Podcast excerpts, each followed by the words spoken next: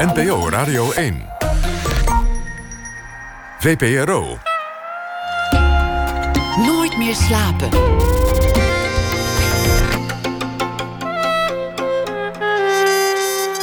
Met Elvie Tromp.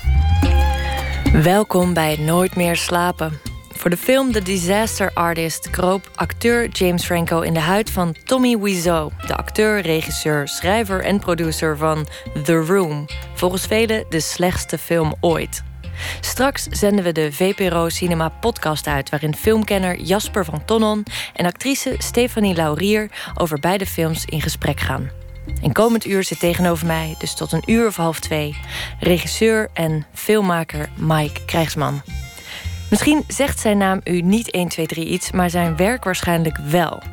Hij maakte onder andere O'Hanlon's Helden, waar hij de Nipco-schijf voor won. Was regisseur voor de China-serie Langs de oevers van de Yangtze, waarvan alleen al de eerste aflevering 1 miljoen kijkers had. Maakte onder andere documentaires de documentaire Vechtershart, waarvoor hij een 17-jarige Badr Hari volgde. De documentaire Nederwiet over de wietteelt in Nederland, waar hij een nominatie voor de grootste journalistieke prijs van Nederland kreeg, de Tegel. En hij schreef ook de gelijknamige dramaserie Vechtershart, waarin onder andere Waldemar Torenstra speelde. Ook maakte hij met zijn vrouw Antoinette Beumer de film Hans Klok, See You in Vegas. En vanaf zondag begint het tweede seizoen van zijn China-reisserie, Door het hart van China waarin hij ditmaal de binnenlanden van China doorkruist met presentator en fotograaf Ruben Terlouw. Mike, welkom. Ja, dankjewel. Dat is een hele opzomming. Ja, als je het zo allemaal op gaat sommen, ja, dan, dan, klinkt het best wel uh, alsof het veel is. Ja. ja. Voelt het niet zo? Nee, eigenlijk niet. Ik denk, had nog altijd het gevoel dat ik begin of zo, maar dat, ja, dat kan ik niet meer, niet meer volhouden, geloof ik, ondertussen. Ik denk dat dat een goed gevoel is als maker. Dat, uh, dat je nooit het gevoel hebt, ik heb alles gezegd, ik heb alles gemaakt.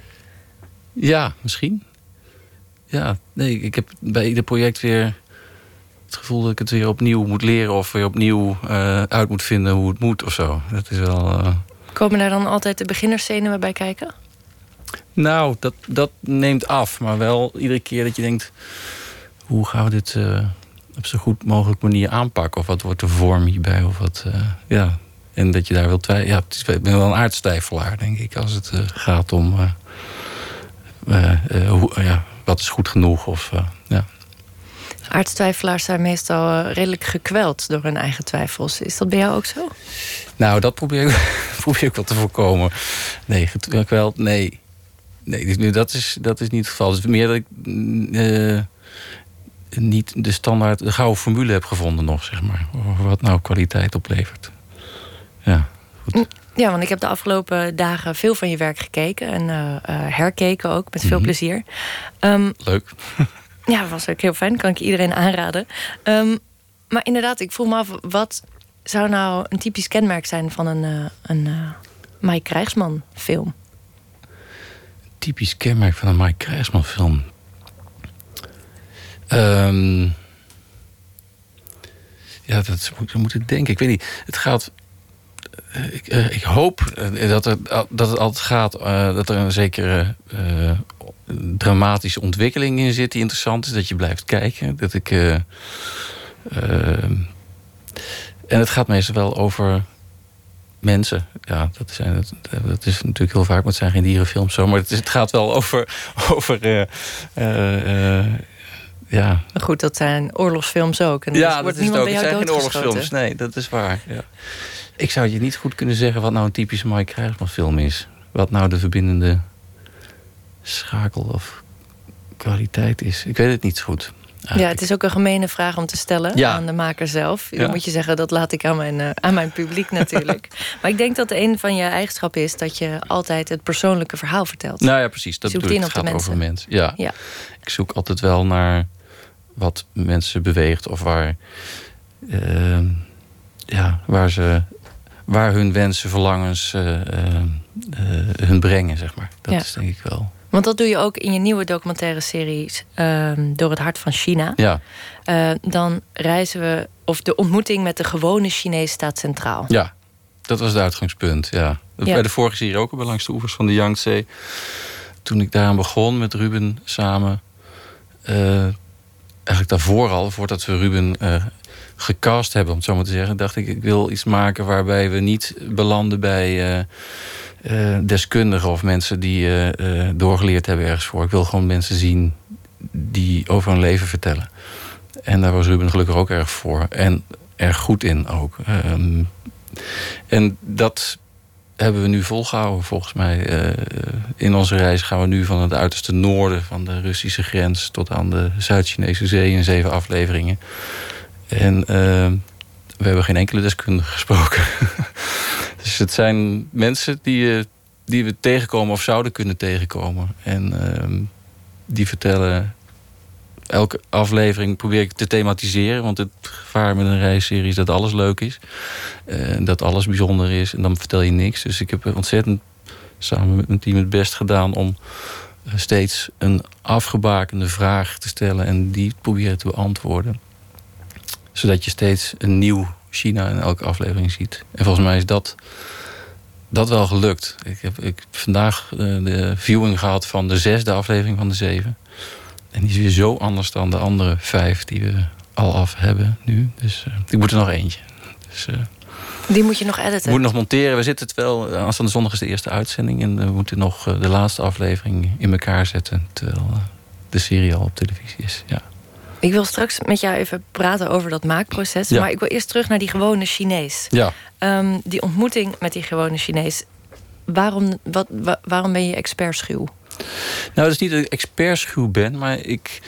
Um, wat Ruben heel erg goed kan, is uh, uh, contact leggen op een ja, bijna terloopse manier. manier. En uh, je moet gebruik maken van wat iemand goed kan. Ja. Maar je zei net zelf, jij was eerder bij dit project ja, betrokken. Ja, goed, je, het je sloot... zei de eerste vraag was eigenlijk... ik wil de gewone Chinees laten zien. Ja, dat, dat, dat sloot op elkaar aan eigenlijk. Uh, ja, dus ik, uh, uh, wat ik wilde is laten zien dat uh, mensen in China dezelfde levensverwachtingen hebben, de wensen om een goed leven te hebben. En hoe dat eigenlijk voor hun veranderd is in de afgelopen 30 jaar.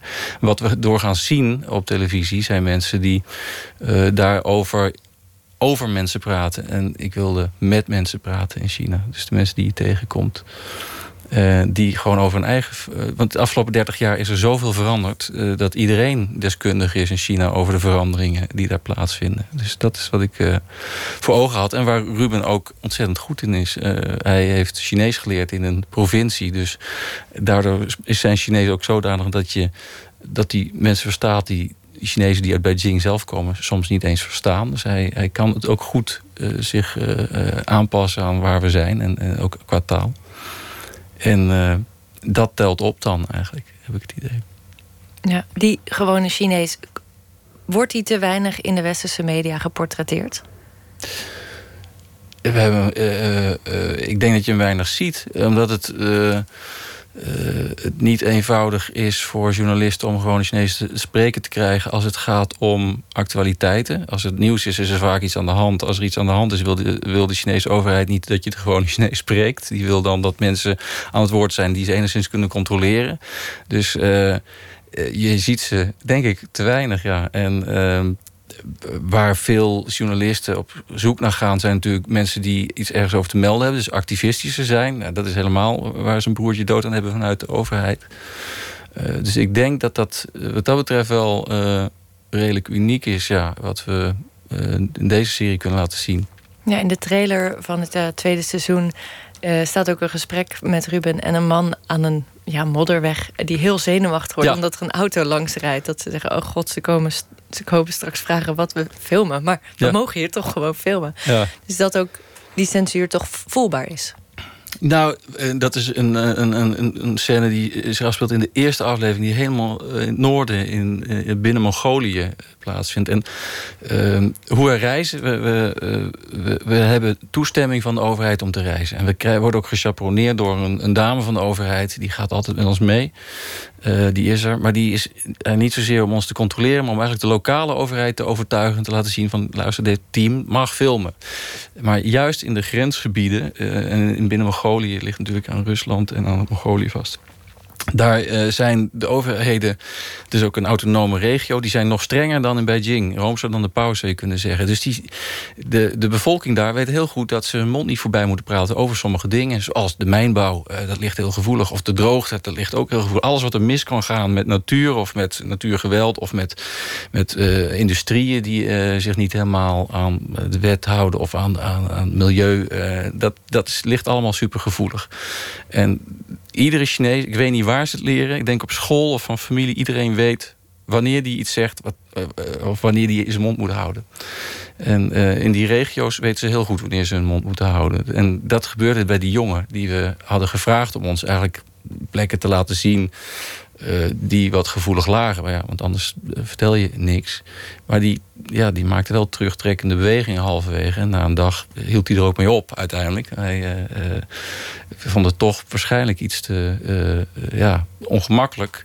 En was ook, het is, er is ook heel veel sociale controle. Het is een, het is een land met, ja, met, met extreme sociale... mensen houden elkaar echt in de gaten. Een beetje. Dus je steekt niet makkelijk je je nek uit, je kop boven het maaiveld. Um, Kun je me daar een uh, voorbeeld van geven van die sociale controle? Uh, wat je meemaakte tijdens het filmen? Nou, de tweede, tweede aflevering gaat bijvoorbeeld over uh, onder andere over jeugd in, in Beijing. Die speelt zich af in Beijing. En um, ja, jongeren hebben veel last van het feit dat hun familie en ouders vooral verwachtingen hebben. Dat, en die verwachtingen brengen ook controle met zich mee. Dus er is een enorme.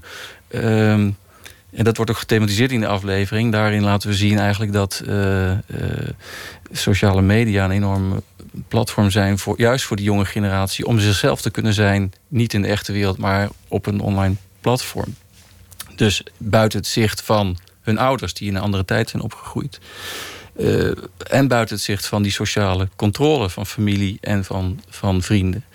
Zo erg zelfs dat een van de personen die we daar spreken, die Ruben naar interviewt, uh, zegt: uh, Ik ben meer mezelf online dan dat ik dat ben met mijn vrienden als ik uitga. Dus er is een, er is een raar soort schaamtecultuur of een verwachtingscultuur die hand in hand gaat eigenlijk. Die aantreft, die ook voor cohesie zorgt, maar ook voor een enorme ja, persoonlijke repressie eigenlijk. Voor een gevoel dat mensen niet helemaal kunnen zijn wie ze zouden willen zijn. Terwijl ook op dat internet uh, gelden strenge regels van censuur of kijkt ja. de overheid mee? Kijk, ja, maar daar zijn toch meer mogelijkheden blijkbaar om, uh, uh, om jezelf te uiten. Of, of, of in ieder geval gelijkgestemden te vinden.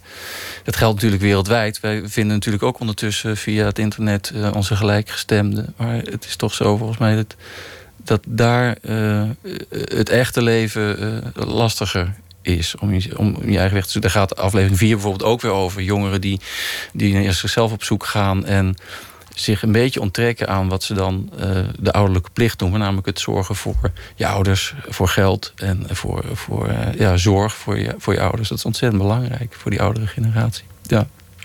ja. Je hebt inmiddels voor deze twee seizoenen vijf maanden in totaal rondgereisd. Ja, ruim vijf maanden. Ja. Heb je ja. inmiddels een, uh, een beeld van die gemiddelde Chinees? Of wat is jouw beeld van de gemiddelde Chinees? Nou ja, dat is zo divers als al die afleveringen die we gemaakt hebben. Er is natuurlijk niet een gemiddelde Chinees. Dat is, er is ook geen gemiddelde Nederlander. Er, is een, uh, er zijn een hele hoop verschillende Chinezen. Je ziet wel, die, nou, wat ik net schets, die pat patronen waar ze mee te maken hebben. De, de moeilijkheden waar ze tegenaan lopen. De, de, de, gedeelde verwachtingen die ze hebben. En ook de veranderingen die ze meegemaakt hebben. Dus uh, je ziet wel waar ze aan onderhevig zijn geweest als, als, als volk. En wat het ze gebracht heeft ook. Uh, want ik denk dat er geen land in de wereld is waarin de economische welvaart zo met sprongen vooruit gegaan is, zichtbaar als China. Ik ben er zelf twintig jaar geleden een keer geweest toen ik net begon als researcher, maar dat was alleen in Beijing.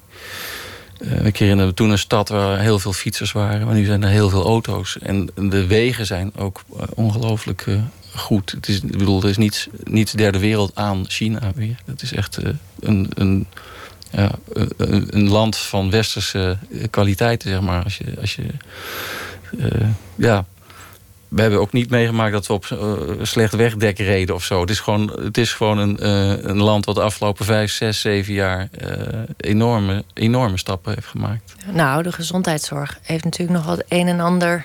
Ja, maar de kwaliteit van de zorg. Ik bedoel, we filmen in aflevering vijf in een ziekenhuis, in een oncologisch ziekenhuis in Changsha. En je ziet daar hoe ongelooflijk druk het is, hoeveel mensen daar om zorg, voor zorg komen. Maar de, de, standaard van de behandelingen en de medicijnen die er uh, ter beschikking zijn, die zijn wel degelijk uh, volgens westerse maatstaaf. Alleen wat tekort schiet is een verzekeringsstelsel wat adequaat is om zoveel, ja, anderhalf miljard Chinezen ook adequate zorg te geven. Er is nog wel degelijk een klassenverschil. En dat heeft ook te maken met het GroeCo-systeem. Dat is een binnenlands paspoort. Um, wat je krijgt, van, voor, dat geldt voor de plaats waar je vandaan komt. Dus als je van het platteland komt, heb je daar recht op zorg en op, uh, op, op, onderwijs en dat soort dingen. Uh, dat heb je niet uh, in de plek waar meest, zijn er heel veel migratie. Dus veel plattelanders verhuizen naar de stad en hebben daar dus tweede rang zorg. Omdat ze zo'n plattelandsverzekering hebben en dus niet de volledige zorg krijgen daar waar ze. Dat is allemaal in verandering. De, overheid is er bewust ook van dat probleem. Maar het is niet opgelost. Dus veel mensen, vooral mensen vanaf het platteland, die al weinig verdienen, als die ziek worden, die zijn echt behoorlijk sigaar. Dat is echt uh, heel. Dat leidt tot echt wantoestanden.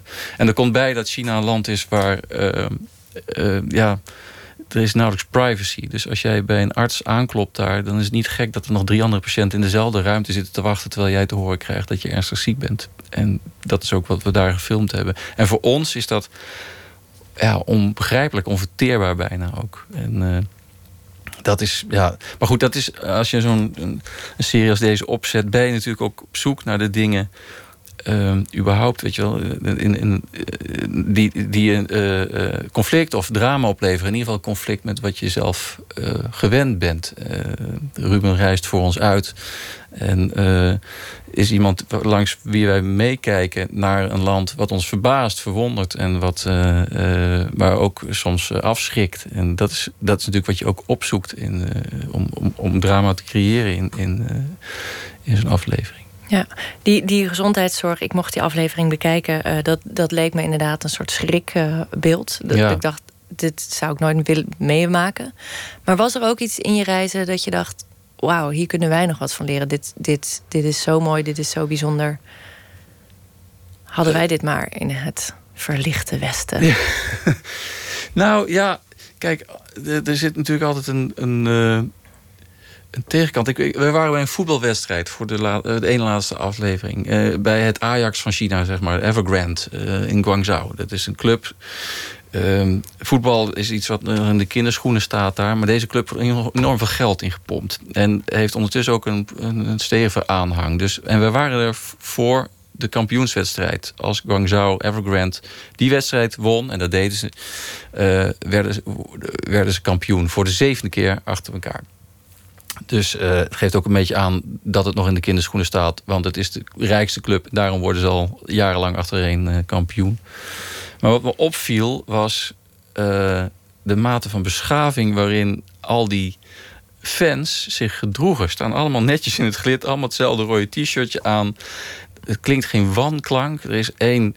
Eén, er was één jongen die naast me stond. Die stond met een vlag te en die werd een beetje baldadig. En die riep op een gegeven moment, fuck you. En, maar die werd door drie mensen gecorrigeerd. Dat doe je niet, weet je wel. Dus er is een, wel een soort van ja, ook die controle uh, heeft ja, ook een prettige kant. Namelijk, ze, ze, kunnen, ze kunnen het veld oplopen, uh, maar ze doen het niet. Terwijl hier worden er grachten gebouwd. En ja, de hooligans zijn natuurlijk een, een, een kwelling voor voetbal in het Westen. Ja, dat, dat gebeurt dan niet. Maar ja, de keerzijde is dat ik twee weken geleden zag ik een, een filmpje in ook een stad waar we geweest zijn, waar gewoon tien mensen standrechtelijk eh, werden veroordeeld en vlak daarna geëxecuteerd voor dingen waar je in Nederland uh, een paar uh, jaar gevangenisstraf krijgt. Dus dat is natuurlijk, het is wel een, een repressief regime. Je hebt een executie meegemaakt? Wij hebben wij niet meegemaakt. Oh, nee, nee. Okay. Het, ik zag het online. Uh, in uh, dat uh, een heel stadion vol met mensen. Er werden bussen uit. Ja, werden aange, ja, mensen werden opgeladen op een, op een open truck naar een podium gereden. En daar kregen ze te horen dat ze de doodstraf kregen. Dat gebeurt daar ook.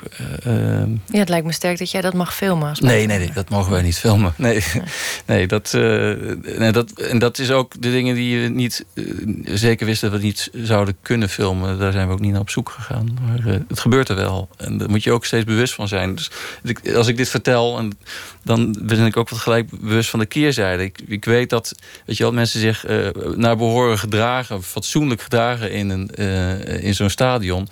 Maar je denkt ook van ja, dat komt omdat er een enorm uh, repressief apparaat zit die op elk wangedrag gewoon let. Je wordt gewoon in de gaten gehouden. Ja. ja. ja. Ik vroeg me wel af in hoeverre kunnen buitenstaanders het echte China meemaken? Uh, dat, uh, ja, dat weet ik niet. Ik, ik, ik, denk dat we een end in de buurt komen met Ruben. Omdat, um, en dat is natuurlijk ook bijzondere uh, aan hem is dat hij die taal zo goed spreekt. Maar niet alleen de taal goed spreekt. Zoals hij zelf zegt ook... Het is niet alleen taal uh, de taal spreken, maar ook de lucht lezen. Zeg maar. Je moet ook weten hoe je mensen moet benaderen. Hoe je ze interviewt. Hoe je ze uh, benadert. En het wonderlijke is dat het een, een over het algemene samenleving is... waarbij de gemeenschap centraal staat, de groep centraal staat. En de verrassing is vaak dat als je een vraag aan ze stelt hoe het nou persoonlijk met ze gaat, dat, dat je dan ook ineens uh, verbazing ziet in de ogen van de mensen die, die uh, ondervraagt of uh, interviewt. Maar ook vervolgens een antwoord krijgt dat heel open en eerlijk is. En eigenlijk zie je soms ook een soort opluchting dat ze kunnen vertellen wat hun werkelijk bezighoudt. Dus het lijkt alsof ze niet heel vaak die vragen krijgen. En ook niet zo vaak de mogelijkheid krijgen om überhaupt over zichzelf te spreken. Ehm, dus als je vraagt van uh, kun je als buitenlander de echte Chinees uh, zien, dan denk ik ja, uh, ja ik denk dat we een behoorlijk eind gekomen zijn. Een goed verhaal is een goed verhaal, zelfs als het verzonnen is. En erger, een saai verhaal is een slecht verhaal, zelfs als het waar is of echt gebeurt. Ja. Dat is een citaat van jou. Ja, ja dat denk ik. Uh, ja, dan komen we aan, aan, uh, aan uh, storytelling, aan verhalen eh, vertellen. Ik, Je bent natuurlijk ook in een documentaire, in een non-fictie setting, ook een verhalen aan het vertellen. Precies. In non-fictie, daar kom ik eigenlijk steeds meer achter, onderscheidt zich niet zozeer, of eigenlijk niet zo heel erg van fictie. Waar het om gaat is dat we elkaar verhalen vertellen. Dat is wat ons mens maakt. Ik las laatst een inspirerend boek van... volgens mij heet die man Yuval Harari. En die zei eigenlijk uh, wat de homo sapiens uh, onderscheidt van de dieren... of van de andere uh, mensachtige... is dat we um, niet zozeer dat we kunnen communiceren... want dat kunnen dieren ook, die kunnen elkaar ook waarschuwen... maar dat we kunnen praten over iets wat niet bestaat. Dus eigenlijk de fictie dat we elkaar een verhaal kunnen vertellen over iets wat er niet is. Of het nou God is, of wiskunde, of uh, wetenschap. En ik denk dat dat uh, bepalend is voor überhaupt. Uh, het verhaal vertellen is natuurlijk zo oud als wij mensen zijn, denk ik. En de reisverhalen zeker. Reisverhalen zoals we. Wat we maken natuurlijk, een reisseries en reisverhalen. Maar ik denk dat dat eigenlijk de basis is van alle vertelling. Het reisverhaal. Vertel eens hoe het verderop is. Weet je wel? Of vertel eens eh, wat er in uh, China gebeurt. En uh, dus ik denk eigenlijk eh, fictie. En ik heb het gemerkt bij het schrijven van, Vechtershart. De structuur van, van. En bij het maken van ook documentaires als Hans Klok. Toen we Hans, over Hans Klok een documentaire maakten toen, en dat is een documentaire van 90 minuten. En voor een documentaire van 90 minuten moet je eigenlijk bijna een speelfilmachtige vorm zien te vinden. Je moet op zoek naar een verhaal wat je over die 90 minuten heen trekt bijna. Dat betekent dat je aan een aantal wetmatigheden moet voldoen. Je moet zorgen dat je hoofdpersoon iemand is die eigenlijk niet uh, een ideaal leven heeft. Want een ideaal leven is saai. Je moet zorgen dat hij een tweederangs leven heeft en dat hij op zoek is naar uh, zijn, zijn ideale leven. En Hans Klok was in die tijd dus op zoek naar een hoog podium. En daarvoor moest hij offers brengen. Offers zijn, geven conflict. En conflict is wat je naar, waar je naar op zoek bent. Want conflict laat iets zien over mensen die je voor je kamer hebt. En dus laat je zien hoe hij zijn was naar zijn moeder brengt. Bijvoorbeeld, ja. Dat is ja. dan zo'n Nou ja, en je laat zien hoe zijn, zijn broer, die voor hem werkt, uiteindelijk eh, eh, geofferd wordt voor, de grotere, voor het grotere doel. Zijn droom te realiseren om op het podium te staan in Vegas. En hetzelfde geldt ook voor zo'n eh, serie als. ehm, eh, met, met Ruben. Eh, eigenlijk de structuur van. de narratieve structuur van zo'n zo'n eh, documentaire reisserie. die lijkt op fictie als Star Wars of Saving Private Ryan. Of eh, eh, op eigenlijk de oude vertellingen van een reis. Iemand die een reis maakt. En dat stelt bepaalde eisen aan eh, eh, wie je voor je camera hebt als hoofdpersoon. Want eigenlijk moet diegene ehm, iemand zijn waarmee je kunt identificeren. En diegene is, een, eh, is, een, is iemand die amabel is. Iemand die eh, eh, soms zelfs in sommige vormen een tikje saai misschien. En je moet daarmee op pad gaan. En degene die die tegenkomt, dat zijn ja, de mensen die, die, die je wilt zien. Dus je moet langzaam heen kunnen kijken. Dus dat betekent eigenlijk dat, dat, dat je van je, je, je, je host, je presentator, een personage maakt met wie je mee wil. Dus je moet hem sympathiek maken. Maar je moet wel één ding heel goed kunnen. Zoals als Luke Skywalker de Force heeft. Of zoals. eh, eh, nou ja, goed. eh, Ruben spreekt Chinees. Weet je wel. Dus die kan, die kan ons meenemen. En hij kan ook nog fotograferen. Weet je. Dus hij, hij heeft iets wat andere mensen niet hebben. Ehm, maar ik kan hem ook niet te slim maken of niet te eh, eh, gevat. Want dan denk je, ja, wacht even, dan, gaat hij in de weg staan voor wat je eh, wil zien. Dus ik zeg ook altijd, de echte Ruben is volgens mij oneindig veel kleuriger en veel rijker als personage dan hoe we hem ten tonele voeren in de serie. Want je, je maakt toch een personage van hem wat die je op pad moet. En die niet, niet zoveel ruimte in kan nemen dat hij de mensen die, die we tegenkomen eh, bijna blokkeert. Je moet, je moet die andere mensen kunnen zien. Ik heb begrepen dat de Ruben die we op het scherm zien... eigenlijk een mengelvorm is van jou, een Ruben. Nou, op een bepaalde manier. En niet alleen mij, maar ook van cameraman eh, Joost. Joost van Herwijnen. Want die draait natuurlijk eigenlijk de shots die we straks... die we nu in de montage eh, laten zien als eh, point-of-view shots. Dus eh, Joost ziet soms dingen die ik niet gezien heb... die Ruben ook niet gezien heeft. Maar in de montage doen we alsof Ruben dat ziet. En ehm, eh, ja als we eh, hoe we draaien, ik doe het geluid en regie en eh, Joost van Herwijn is cameraman. En eh, we zijn met z'n drie op pad voortdurend. En we hebben voortdurend dus ook een ervaring daar als we op pad zijn. Straks, na het nieuws, praat ik verder met Mike Krijgsman. En verder horen we later in de show de podcast van VPRO Cinema... over de films The Disaster Artist en The Room. Dat en meer straks na het nieuws van 1 uur. Is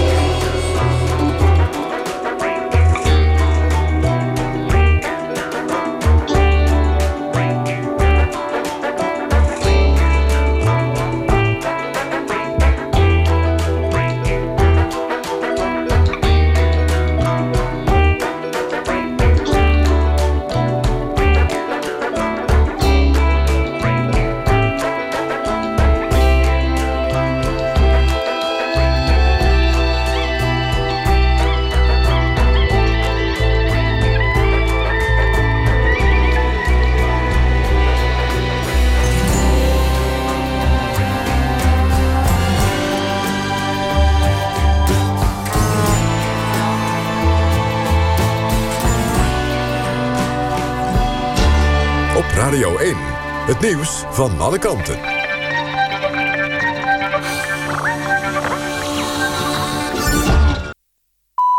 Eén uur, Ewout de Jong met het NOS-journaal. Sint Maarten heeft een nieuw kabinet. Maandag wordt de interimregering onder leiding van Leona Marlen Romeo beëdigd. Dat heeft de gouverneur van het eiland bekendgemaakt. Oud-premier William Marlin stapte in november op. Hij kreeg het parlement tegen zich omdat hij niet akkoord wilde gaan... met de voorwaarden die Nederland verbond aan het beschikbaar stellen van hulpgeld... na de orkaan Irma. Nederland beloofde zo'n 550 miljoen euro voor de wederopbouw maar wilde onder meer dat er een integriteitskamer zou worden opgericht... en dat Nederland tijdelijk de grensbewaking van Sint Maarten zou overnemen. Amerikaanse president Trump wil de nucleaire overeenkomst met Iran alleen in stand houden als de voorwaarden worden verscherpt. Hij eist dat de afspraken zo worden aangepast dat Iran ook kan worden gestraft voor bijvoorbeeld steun aan terroristen. De regering van Iran zegt dat het akkoord niet open te breken is en noemt de aankondiging van Trump een wanhopige poging. Europese leiders hebben Trump met klem gevraagd de deal overeind te houden. Zij zijn bang voor een kernwapenwetloop als Iran zich uit het verdrag terugtrekt. In Tunesië zijn zo'n 150 demonstranten opgepakt... onder wie een aantal oppositieleiders. Sinds vorige week wordt er in het land geprotesteerd... tegen de gestegen brandstofprijzen en hogere belastingen. Er is ook onvrede over het optreden van de regering. Sinds begin deze week zijn al bijna 800 mensen vastgezet. Morgen worden massaprotesten verwacht. Dan is het zeven jaar geleden dat president Ben Ali werd verjaagd. De Tunesische bevolking hoopte toen op meer democratie. Er zijn steeds meer aanwijzingen dat de dood van het Nederlandse fotomodel Ivana Smit in Maleisië geen ongeluk was. Uit onderzoek op haar lichaam blijkt dat het 19-jarige meisje al een hoofdwond had... voor ze van 14 hoog naar beneden viel. Dat schrijft de Telegraaf. Ook had ze blauwe plekken op haar armen. Het fotomodel was in Maleisië na een feest met een Amerikaans echtpaar... meegegaan naar hun flat. Wat daar is gebeurd is onduidelijk. Het weer bewolkt met minima tussen 0 en 3 graden. Overdag droog met geleidelijk vanuit het zuiden wat zon. Het wordt 4 tot 7 graden. En zondag nog wat meer zon. Dit was het NOS Journaal. NPO Radio 1. VPRO. Nooit meer slapen.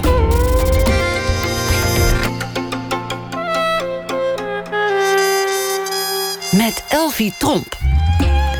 Welkom terug bij Nooit meer slapen. En tegenover mij zit nog steeds Mike Krijgsman vanwege de reisserie Door het hart van China, die vanaf komende zondag op tv te zien is. Voor het nieuws hebben we het onder meer gehad over uh, de wetmatigheden van een goed verhaal vertellen. Dat de hoofdpersoon een beetje saai moet zijn en amabel. Zodat je via zijn ogen de wereld kan beleven. Nou ja, saai is niet het goede woord misschien. Want uh, er is altijd. Uh, het moet toegankelijk zijn. Hij moet toegankelijk zijn, maar hij moet wel één bijzonder ding hebben. Luke, Luke Skywalker, die dan de Force inderdaad heeft. weet je wel. Maar hij moet ehm, in staat zijn om ons mee te... Of, of weet je wel, in de band van de ring is natuurlijk ook een mannetje waarvan je denkt... Zullig nou, mannetje. Ja, daar wil ik wel mee op pad. Ja. En uh, niet dat Ruben uh, zo is, maar het is wel zo dat je in de montage zoekt naar de momenten waarop uh, hij eigenlijk een stap opzij doet, waardoor we een Han Solo of een Chewbacca of weet ik wat, dat soort mensen met een bijzondere kwaliteit kunnen zien. Wie was voor jou de Chewbacca in het tweede seizoen? Uh, nou, het, is ook uh, in aflevering 4 uh, gaan we op zoek naar uh, kluizenaars in een gebergte. En Ruben had ergens langs het riviertje waar we langs reden een huis gespot aan de overkant. En ehm, is toen, we zijn toen op zoek gegaan. En er bleek inderdaad een kluizenaar te wonen, al 25 jaar. Maar dat was gewoon een zonderlinge figuur. Maar wel ontzettend excentriek. En ehm, dat is geweldig, want Ruben stapt er gewoon op af. Die man vraagt aan die man, mogen we je huis zien? Die man zegt ja hoor. En die wijst op een soort gat onder een steen. En vervolgens loopt met, met hem mee naar beneden. En letterlijk, die man woonde letterlijk onder een steen. En al 25 jaar. En uh, het mooie is dat die scène een beetje een omkering krijgt. Want Ruben probeert heel serieus te vragen hoe de Tao en het Taoïsme die man dan beïnvloed heeft. En die man geeft hem eerst vrij serieuze antwoorden dat hij daar zit te mediteren onder die steen. Maar op een gegeven moment blijkt ook wel dat hij toch wel wat ideeën heeft. Dat hij de hemel, de aarde en de vader en moeder van iedereen is en alle nationaliteiten. Dus ja, ik denk dat in ons land die man toch als psychiatrisch patiënt min of meer gekwalificeerd zou worden. En uh, maar het is, het is ook een prachtige scène. Omdat hij doet niemand kwaad. Hij doet niemand kwaad. Hij woont aan de overkant uh, van een riviertje en zit er al 25 jaar. En uh, ja, kleedt zich in de meest prachtige kleren. Hij heeft een lange baard. Ruben heeft prachtige foto's van hem gemaakt.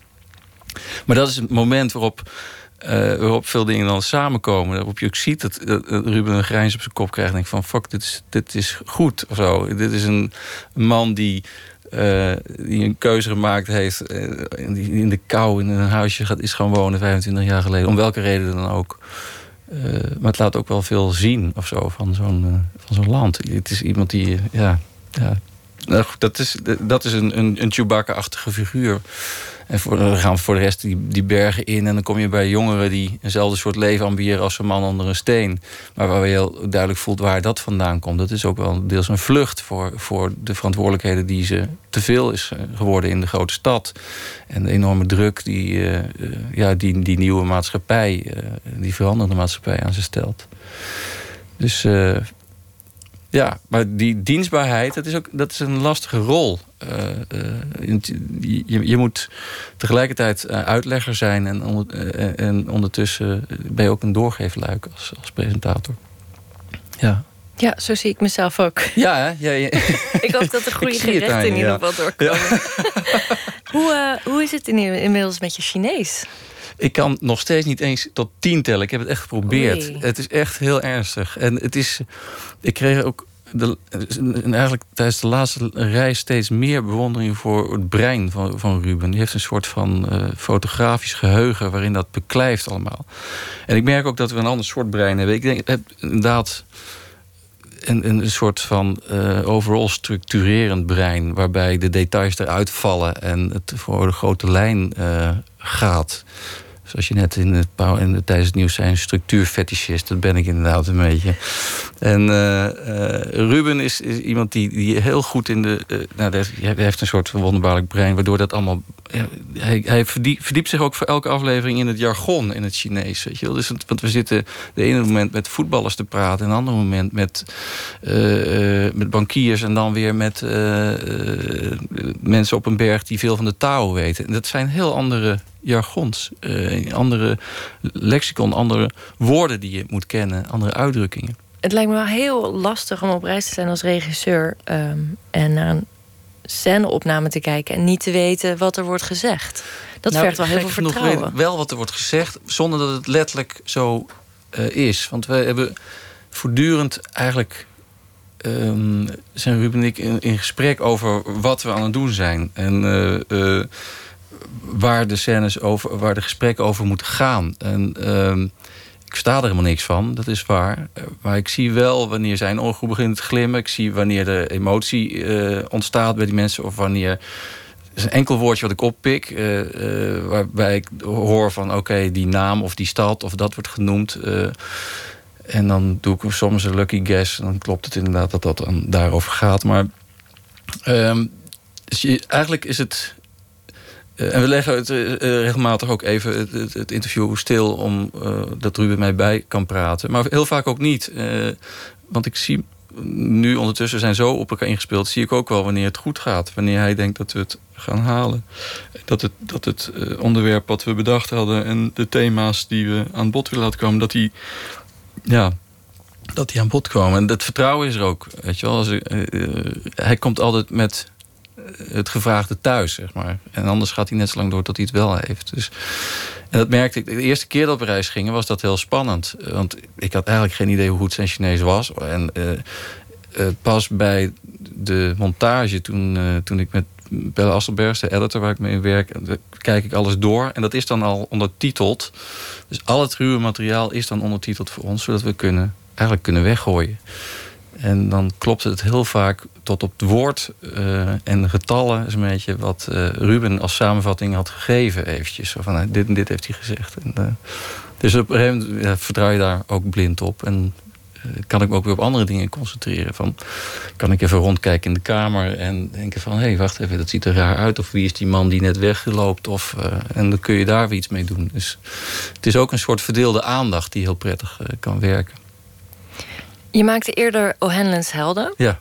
Uh, ook een reisserie. Mm -hmm. Waar je Nipko schrijft voor. Um, Samen met Roel van Broekhoven. Ja. Dat, ja. En nu uh, uh, nou, het tweede seizoen van een China-serie. Ja. Maar je houdt niet van reizen. Nee. Het is highly overrated reizen. Kun je me even uitleggen waarom je dan, dan toch die reisseries um, gaat maken? Ja, omdat het hele goede verhalen oplevert. Ik vind het ontzettend leuk om goede verhalen te zoeken. En bijzondere verhalen en soms exotische verhalen. Uh, maar reizen is verschrikkelijk. Maar dat kan je toch ook gewoon in West-Friesland doen? Of nou, nee. Nee, nee. Kijk, als je, uh, als je bedenkt dat je met een, een oude Engelse schrijver op stap wil om in de voetsporen van 19e-eeuwse ontdekkingsreizigers te gaan, gaan zoeken, ja, dan kun je dat niet in Friesland. En dat zijn geweldige verhalen. En eigenlijk waar ik net over had, reisverhalen zijn de archetypische verhalen. Dat zijn de verhalen die je wil horen en zien. En als er ergens reisverhalen over te vertellen zijn, zijn het over 19e-eeuwse ontdekkingsreizigers. Zeker als je dat met iemand kan doen die eigenlijk toen had willen leven. Dus uh, ja, dan kun je niet in Friesland blijven. Dus het is een noodzakelijk kwaad om op, uh, op, ja, op een vliegtuig te stappen of in een bus te stappen. Wat vind je er zo verschrikkelijk aan? Omdat het is wachten en je zit uh, ongemakkelijk. Je zit naast stinkende mensen. Het is slecht eten. En, lange, lange tijden. tijdsverschillen. Hotels waar mensen rochelend en rokend in de deur. Nou, ik, ik, ja, ik kan, kan alles opnomen.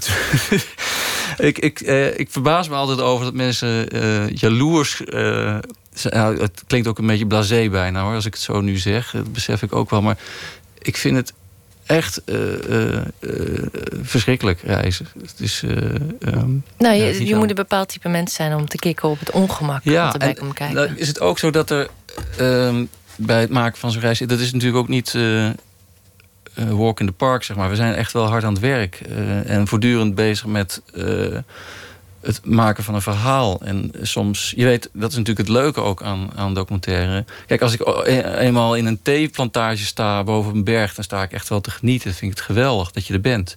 Maar daar komen is een ander verhaal. Ehm, maar als je er eenmaal bent, dan denk je wel shit, het is wel heel erg uh, te gek om hier te zijn en te zien hoe dat gaat en uh, hoe die mensen leven en uh, onder welke omstandigheden ze soms moeten leven. En, en, en ook op andere momenten, ik bedoel ook, in zo'n ziekenhuis, zelfs dan denk je van jezus, dat, dat, dat je dit kunt laten zien. ja, is echt heel bijzonder. Dat het dan lukt om een vertelling rond te maken. En ook recht te doen aan de mensen die je dan voor je camera krijgt. Dat, dat, dat vind ik geweldig. Maar ja, eh, het reizen zelf is, is, is daar, ja, dat moet gewoon, anders kom je er niet. is, maar het is, ik bedoel, een zak aardappelen is beter om vervoerd te worden dan jezelf. Weet je, ik vind het, ik vind het gewoon ongemakkelijk. Het is gewoon niet uh, comfortabel. Nee. Nou ja, ook omdat je zoveel, um, je bent zo wijd vertakt eigenlijk als uh, filmmaker. Ja. ja, vind ik toch opvallend voor iemand die niet van reizen houdt, toch gaat reizen. Um, wat was het aan China dat je dacht, oké, daar wil ik induiken? Um, eigenlijk denk ik uh, het onbekende. Ik dacht ik heb nog nooit een goede serie gezien over China. Het was een land wat nog uh, onontgonnen was. En ik dacht, er zijn heel veel goede verhalen te halen daar. En het is een land in verandering. Eigenlijk hetzelfde als met Hans Klok. het is, een, het is een, iets wat in verandering is, is altijd iets waar veel conflict is en drama daardoor. Dus uh, dat land is zo in verandering dat, dat, dat daar heel veel te zien is. En op nu, dan ben je er ook bij, en dat, dat heeft zich ook wel uitgewezen deze serie. Je bent erbij op het moment dat je erbij moet zijn. We hebben dingen gefilmd die er over een jaar niet meer zijn. Uh, en we hebben ook dingen gefilmd waarvan je weet dat die over een jaar of over tien jaar cruciaal gaan zijn voor ons. De verandering gaat daar zo snel dat ze ons drie keer voorbij hollen. Uh, dingen die we nu nog gek vinden, die zullen we straks normaal vinden. Uh, dus dat, het is, het is ook, het is ook uh, denk ik, het, ons voorland wat we daar voorgespiegeld krijgen. Dus eh, dat vind ik wel heel belangrijk. En ik vond het sowieso belangrijk. Het, wordt, het is nu de tweede uh, grootste macht in de wereld. Maar het wordt heel rap de eerste. En ja, niet meer dan logisch dat we daar iets van weten. En het bleek ook, ik, was totaal overrompeld door het succes van de eerste serie, moet ik eerlijk zeggen. Ik dacht, als we daar 300.000 kijkers voor hebben, dan mogen we best wel blij zijn. En dat dacht toen eh, de VPRO, en dat was toen uh, Karen de Bok, uh, die was daar ook eigenlijk verbaasd over. Um, en um, ja, dat China is, is uh, wat dat betreft ja, nog een beetje... eigenlijk hetzelfde als met, uh, met uh, O'Hanlon... een soort terra incognita voor, voor ons. En ik heb wel gezegd toen we hier aan begonnen... van als we dit doen, wil ik het wel doen op een, via de officiële weg. dan maar... dus heel veel mensen gaan filmen in China op een toeristenvisum... en proberen dan stiekem met camera's dat voor elkaar te krijgen. Ik dacht, dat wil ik niet. Ik wil gewoon uh, ik wil ook zien wat ze ons laten zien dan. Weet je wel? En daar dan uh, een end in meegaan. En eigenlijk bleek de vrijheid die we kregen of konden verwerven veel groter te zijn dan we aanvankelijk dachten. Ja, hoe vormend was die censuur in het vertellen van je verhaal? Nou ja, ik heb het niet ervaren als censuur. Dat wil zeggen, hoe, eh, hoe we werken is dat we eigenlijk in vier stadia... We hebben het stadium waar ik met Ruben en met de researcher... allerlei kaptein uh, uh, ga zitten en ga bedenken... wat gaan we doen? En daarin uh, lezen we veel en word ik gevoed door allerlei artikelen van, van Ruben en door Adelheid. En zoek ik zelf dingen uit. En daar kom je tot thema's. Die thema's, daarmee sturen we op een gegeven moment een researcher in China aan. Van ga bij die thema's mensen zoeken. En vervolgens gaat Adelheid, de researcher, op stap voor elke reis die wij maken. Ze komt terug na drie weken en heeft ze al, al de reis voorgedaan. En als ze, ze terugkomt, dan maken we de laatste beslissingen. Um, dus dat is hoe het gaat. Uh, en daarin maak je dus je keuze. En vervolgens gaan wij dus op stap. En dan wordt die reis soms nog iets anders en zo. En, maar er zijn wel een aantal dingen voorbereid. De eerste stap, dus uh, nog voordat zij op reis gaat, daar schrijf, schrijf ik een plan uh, waarin ik die zeven afleveringen al eigenlijk een beetje uit mijn duim gezogen beschrijf. De thema's benoem zo goed mogelijk, eigenlijk zo, zo breed mogelijk, zodat we nog zoveel mogelijk kunnen invullen. En op basis daarvan kregen, krijgen we een goedkeuring. Dat is altijd weer spannend, want dat wordt dus gewoon door de staat beoordeeld. Van gaan we deze je wordt toch als journalist gezien. Ik zie mezelf niet als journalist, maar je wordt zo beoordeeld. Gaan we deze toelaten? En dan krijg je meestal, nou, alles kan, behalve dit en behalve dat. En in dit geval was het, je mocht er geen mijnen filmen in het noorden. En in het zuiden mochten we niet. We wilden heel graag naar de zuidelijke eilanden die er gebouwd worden in de Zuid-Chinese zee. Um, dat mocht ook niet, want dat was toch te veel internationale politiek. Ze willen niet te veel pottenkijkers bij dingen die potentieel uh, problemen veroorzaken. Dus uh, de, eigenlijk, zolang je maar een beetje op de vlakte blijft... dus niet met groeperingen praat die uh, activistisch kunnen zijn... of die voor problemen kunnen zorgen... dan kom je eigenlijk wel een end. Uh, dus proberen we ook steeds iets breed op te schrijven... en het ook een beetje positief in te kleuren. Dus als je zegt... In het noorden gaat het over ja, de cultuur van de, de boeren. Ja, dan kun je het ook over de droogte hebben en uh, hoe moeilijk ze het hebben. Ja, want ik wou net zeggen, het is niet tandeloos geworden. Nee, nee, nee dat, is, nee dat is ook. Uh, de, de, kunst is ook om het zodanig te formuleren dat je denkt van ja, maar dit heeft er wel degelijk mee te maken. Ja. Uh, en de jongere generatie en gelukkig hadden wij iemand bij ons van de overheid die van de jonge generatie is. Die, die heeft ook wel zoiets van ja, de, realiteit is. We maken documentaire, weet je. Dus het, het, moet wel gaan over wat er reëel en actueel is in China. En dat, uh, dat lukt ons ook wel steeds. Dus, uh, en uiteindelijk hebben ze ook niet altijd helemaal door wat je staat te doen. Uh, en um, bij veel interviews konden ook de deur wel even dichttrekken en met iemand privé spreken. En dan praten ze toch anders dan als er iemand over je schouder mee zit te luisteren. Uh, dus het lukt toch vaak om die intimiteit te creëren, waardoor mensen ja, dingen vertellen. Hm. Ik heb begrepen dat er verdrietig nieuws is voor de fans. Er komt geen derde seizoen. Niet in deze vorm, nee. nee. Er komt geen derde uh, seizoen in China, geen reisserie. Ik heb het idee dat we ook met deze serie ongelooflijk veel verteld hebben. Dat we een stuk dieper gaan dan de eerste serie. De eerste serie was natuurlijk echt een eerste kennismaking met China. En dat daar de, de onderwerpen waren daarvan, nou, uh, uh, hoe zit het met uh, het leven als je als migrant in de stad aankomt? Hoe is het om een vrouw of een man te vinden tussen al die miljarden Chinezen? Hoe, hoe, staat het met als je als één kind bent opgegroeid? En, nou, dus de eerste vragen die in je opkomen hebben we in de eerste serie beantwoord. En nu in de tweede serie gaan we een stuk dieper. En lopen we ook aan tegen de grenzen wat we kunnen. We zijn een stuk brutaler geworden. We hebben meer gedurfd. Maar we hebben ook volgens mij wel uh, veel verteld al, wat te vertellen valt. En als je nog meer wil gaan vertellen, dan denk ik niet dat het lukt. Denk niet dat je nog... Dan loop je tegen activistische dingen aan. Dan gaat het over dingen, echte misstanden. Ik bedoel, we hebben nu wel misstanden aangekaart, maar die zijn nog wel ook... Um, ja, daar kun je het over hebben. Maar als ik een voorstel zou schrijven... van ik wil het over de grensprovincies van Tibet... dan krijg je nog geen toestemming. Dat gaat niet gebeuren. Nee. Je dus- werkt uh, langdurig samen met mensen. Uh, je werkte tien jaar samen met maker Hans Poel. Ja.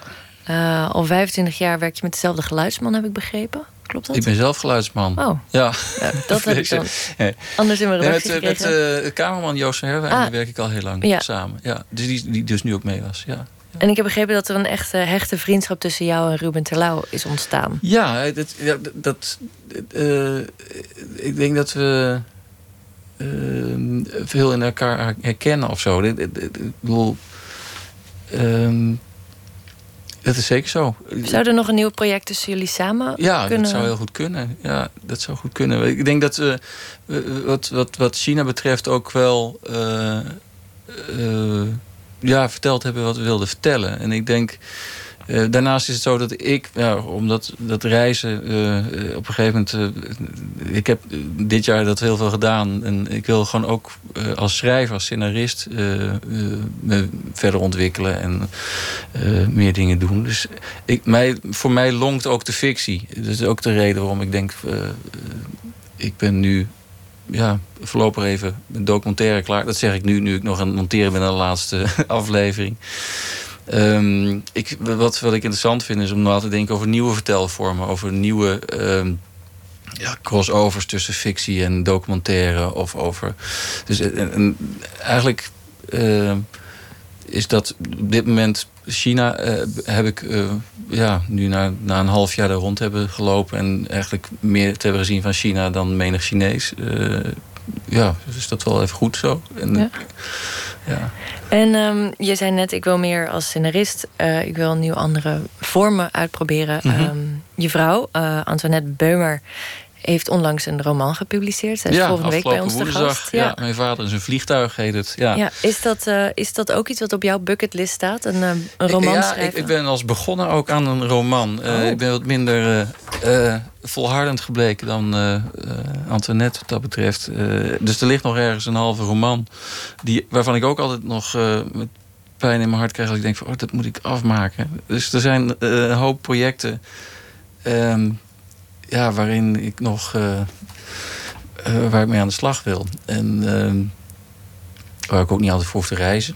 Dat is misschien ook wel prettig. ja, precies. Nee, dus dat, dat is zeker zo, ja. Um, nou ja, ik zei net al, je, je werkt langdurig samen met dezelfde mensen, een hecht team. Mm -hmm. uh, maar je hebt slechts één film samen met je vrouw gemaakt. Ja. ja. Film over Hans Klok. Uh, waarom uh, maar één?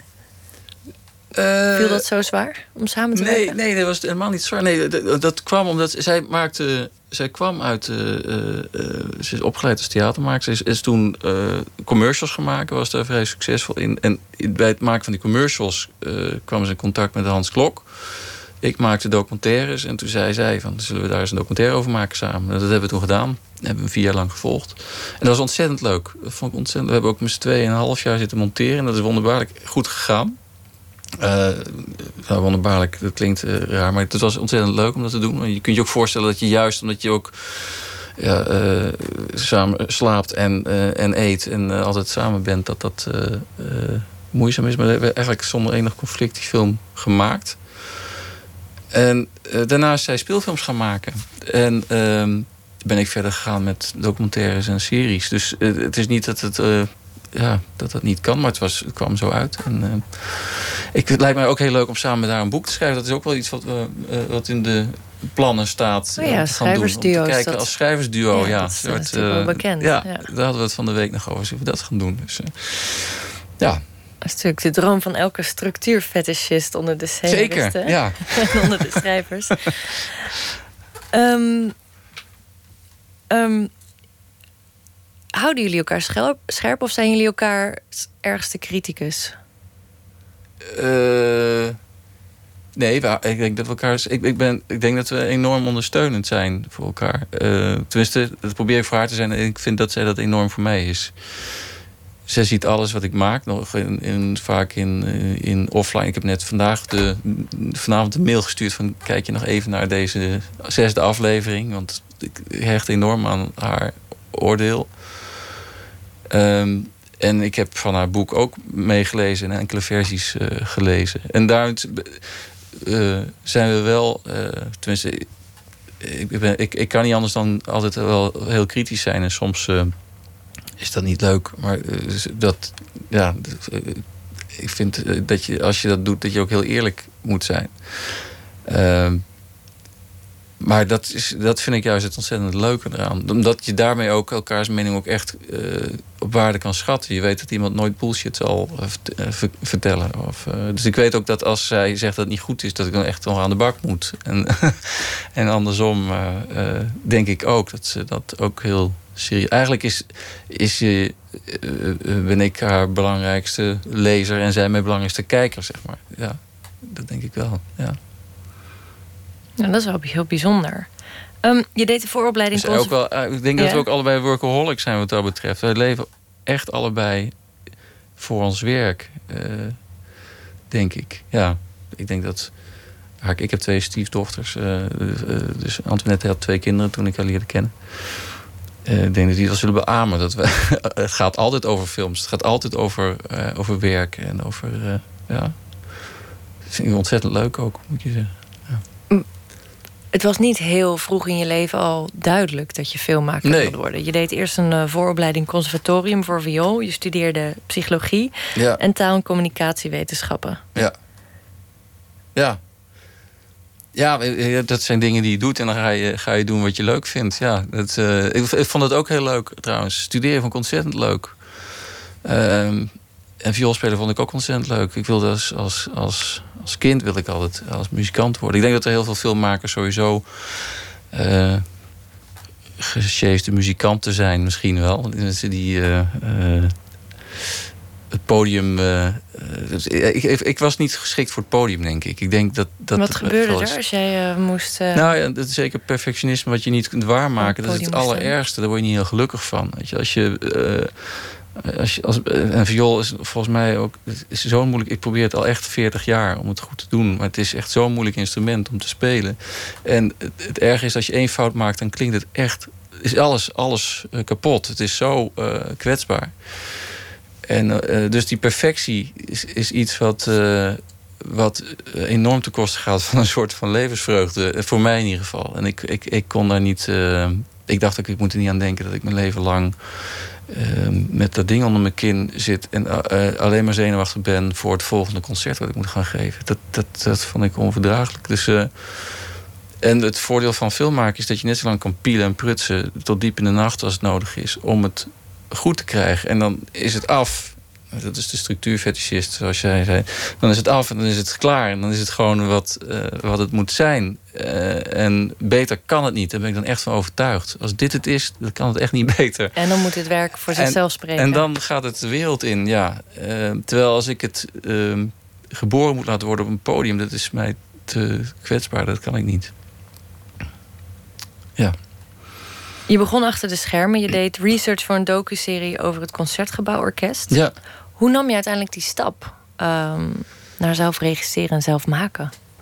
Nou, dat, dat was bij IDTV. Ik, ik, kwam, uh, ik had in het Nederlands Studentorkest gespeeld, dus ik kende die uh, muziekwereld een beetje. En daar werd ik als researcher benaderd door Roel van, van Dalen, die een serie over het Concertgebouworkest ging maken. En iemand zocht die zowel iets wist van televisie als van, uh, van die wereld. En toen dacht ik, ja, is wel leuk. Dat, dat, dat, is, dat is leuk. Verhalen te vertellen ehm, en op zoek te gaan naar bijzondere dingen in de wereld eh, waar je iets over kunt vertellen. Uh, en toen leerde ik uh, Hans Pol kennen, die ook voor IDTV werkte. En die zei: waarom ga je niet monteren? Dan leer je het allemaal. En dat is ook zo. Als je monteert, dan, dan zit je achter de tafel en alle fouten die je tegen kunt komen, kom je tegen en je moet er toch iets van bakken. En toen heb ik twee jaar lang uh, alles uh, los en vast uh, was om het vak te leren gemonteerd. Van, van vinger aan de pols tot, tot verschrikkelijke knieoperaties en weet ik wat. Om maar gewoon meters te maken. terwijl ik ondertussen mijn geld mee kon verdienen. En toen ben ik met Hans samen. Die zei van waarom gaan we niet samen aan de slag? Hier heb je een geluidssetje. we gaan een film maken. En de eerste film die we maakten was Vechtershart. Over Badr Hari die toen 16 was. En um, zo is het een beetje begonnen. En uh, toen dat edden, eh, ja, op een gegeven moment dat monteren, uh, dat deed ik dan nog naast ook. Dus ik monteerde met regisseurs. Op een gegeven moment denk je wel van het materiaal wat er op je tafel ligt, dat kan beter. Dus, nou, dan moet je gaan regisseren als je denkt dat het beter kan. Dus toen ben ik gestopt met monteren. En dan heb ik editors gezocht die nog beter waren dan ik, zoals Pellen. en, en daar zit je dan mee te werken. En zo eigenlijk ja, ben ik dat van researcher naar uh, editor naar regisseur. En van regisseur naar scenarist. En, uh, ja. wat, is de, wat is de schoonheid voor jou van het, van het filmmaken? Um, ja, de, de schoonheid van het filmmaken is wanneer het lukt. Wanneer je het gevoel hebt dat, dat, het, dat het lukt. Dat het, uh, dat het samenkomt. Dat, uh, dat, en eigenlijk vind ik nog steeds het monteren het allerleukste. Het, het, eigenlijk is namelijk het draaien op de set... is een beetje als een violist op een podium staan. Moet het gebeuren, dan moet het ook lukken. En, dan kan het tegenvallen of het gaat niet goed. maar als je eenmaal je materiaal hebt en je zit in die edit... dan, dan zit ik echt met met, met gemak en plezier te werken of zo. Dan weet ik dat dat gaat wel eh, goed komen. Uh, zeker als je met een goede editor werkt. En dan, dat vind ik wel ontzettend leuk. Want dat is een soort magie of zo. Als je een scène maakt en, je, je ziet dat dingen optellen. Dat de kwaliteit van Ruben optelt bij een, verhaal wat je verzonnen hebt met een cameraman die dat ook weer eens een keer zodanig in beeld brengt dat dat, ja, en, en dat hij daar dan muziek bij zoekt en het zo monteert, dan, dan komt ineens alles samen. En dat, daar kan ik altijd ontroerd door raken. Als het, als het echt uh, staat, als, als, een, als de opbouw klopt, als je uh, de thema's die. En dat zit soms heel erg in de details. Ik ben een enorme detailfucker, uh, zeg maar. Dat het dat het ook gewoon tot in de inserts, dus de shots die je moet curven, waar je sneaks mee curven, dat tot die details toe klopt. Dat het gewoon werkt. Al die details, die kunnen wij vanaf zondag gaan bekijken. Um, heb je dan nog enige vorm van vrees, podiumvrees of nee. spanning? Nee. Niks, dan laat je het los. Dan laat je... Nou, als het, ja, ja, als het af is, dan is het ook echt zoals het bedoeld is. Ja. En dan uh, daar heb ik geen enkele reserve of spanning meer over dan. Nee, dan niet meer. Mike, ik wil je bedanken voor, het komst, voor je komst naar de studio. En uh, ik ga genieten van je serie. Vanaf zondag kunnen we kijken naar Het Hart van China.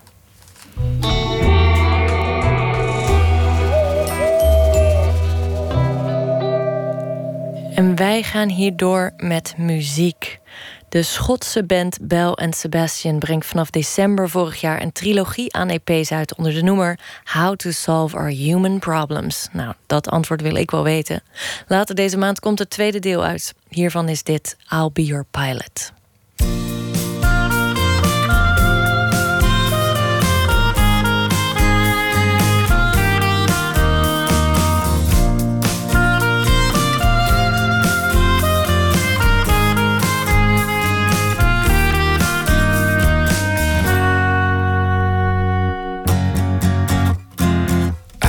Your dreams completely. I've got them locked away.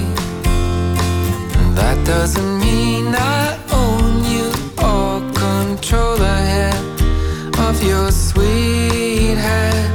I won't leave you to suffer. I won't let them prevail.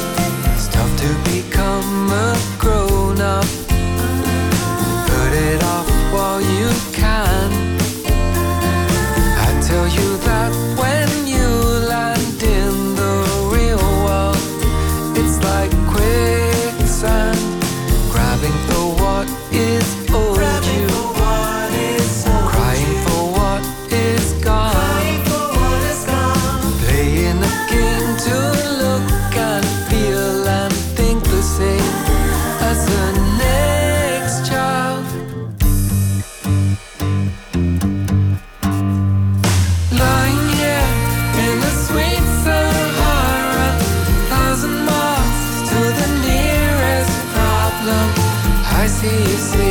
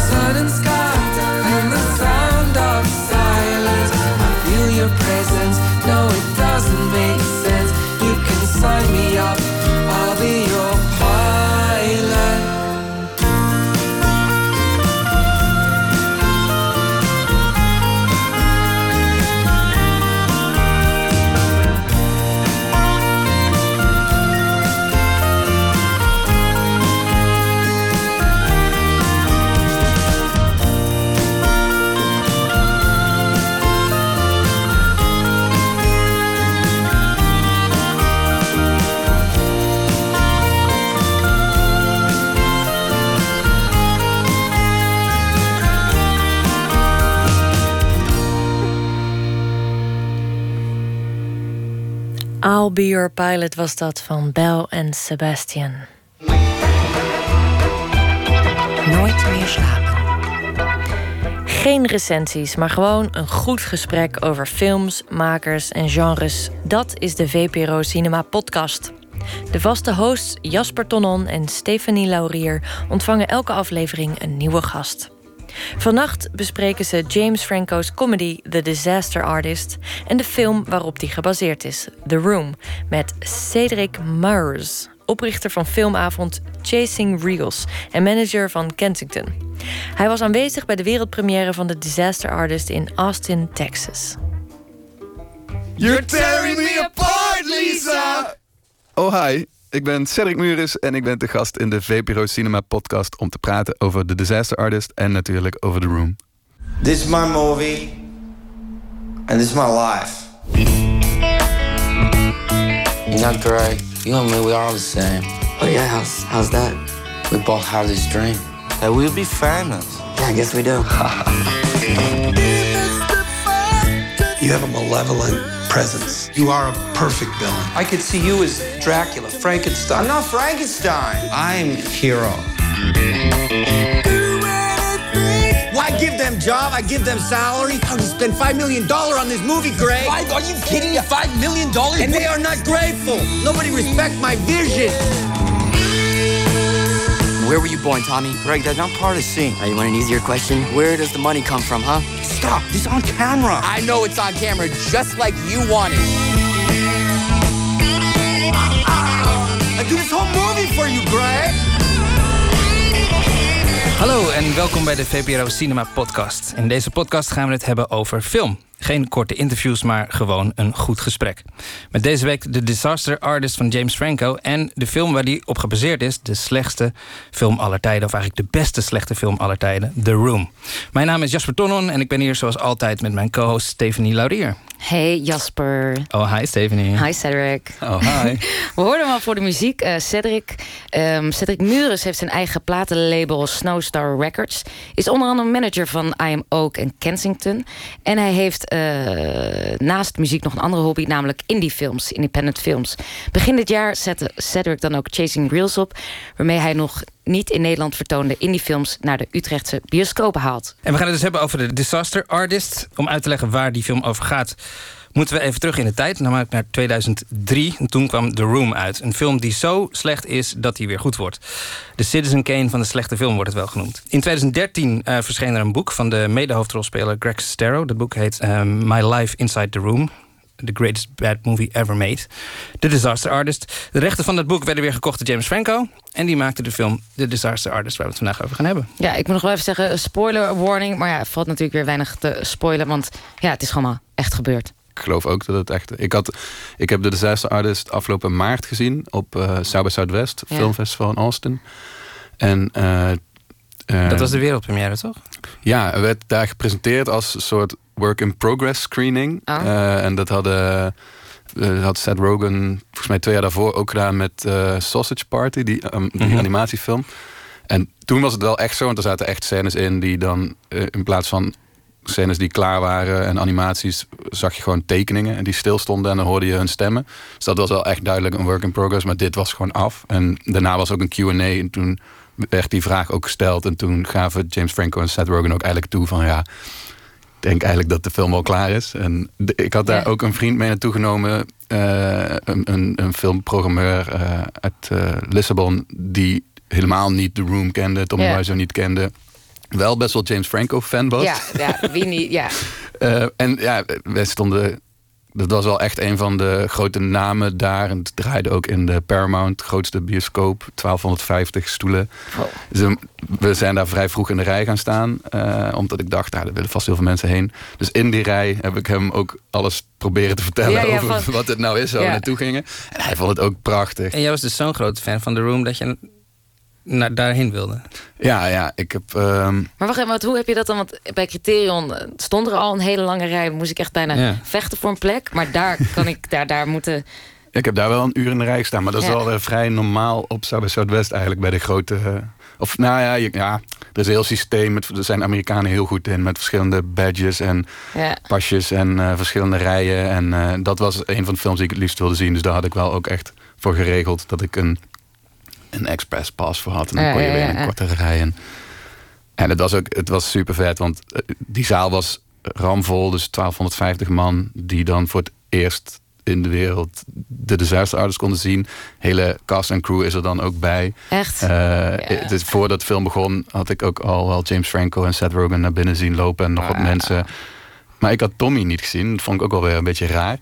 Uh, de film werd ingeleid en uh, ging spelen. En dat was echt een, een super groot succes. Iedereen er werd zo hard gelachen dat je sommige stukken van de film niet meer kon ja. volgen Mhm. door het geschreeuw en gejoel en gelach van die mensen mee, mee schreeuwen Ja, en mee, de Ja. zinnen mee? Ja, oké, cool. Ja, absoluut. En eh, ik had ook echt tranen in mijn ogen van lachen. Dit is ook, die ervaring is zo veel vetter als je dat met 1200 Ja. Ja, fans. Echte ziet. diehard Dat- fans, ja. ja. Ergens bij het einde van de Disaster Artist zag ik dus toch eh, Tommy gewoon zitten in de zaal. Echt ergens in het midden.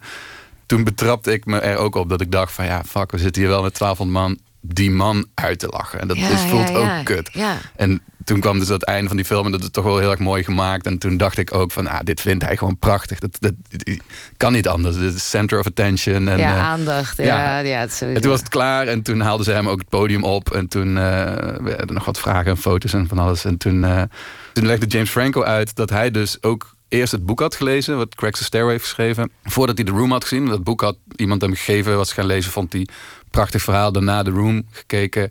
En daarna dus dit alles. En toen vroeg hij van, ja, hoeveel mensen hier in de zaal hebben eigenlijk The Room gezien. En dat waren denk ik een kwart of zo van, Ah, van die zaal. Dus er waren Oh, ook gewoon heel veel Seth Rogen en James Franco Ah, fans. ja.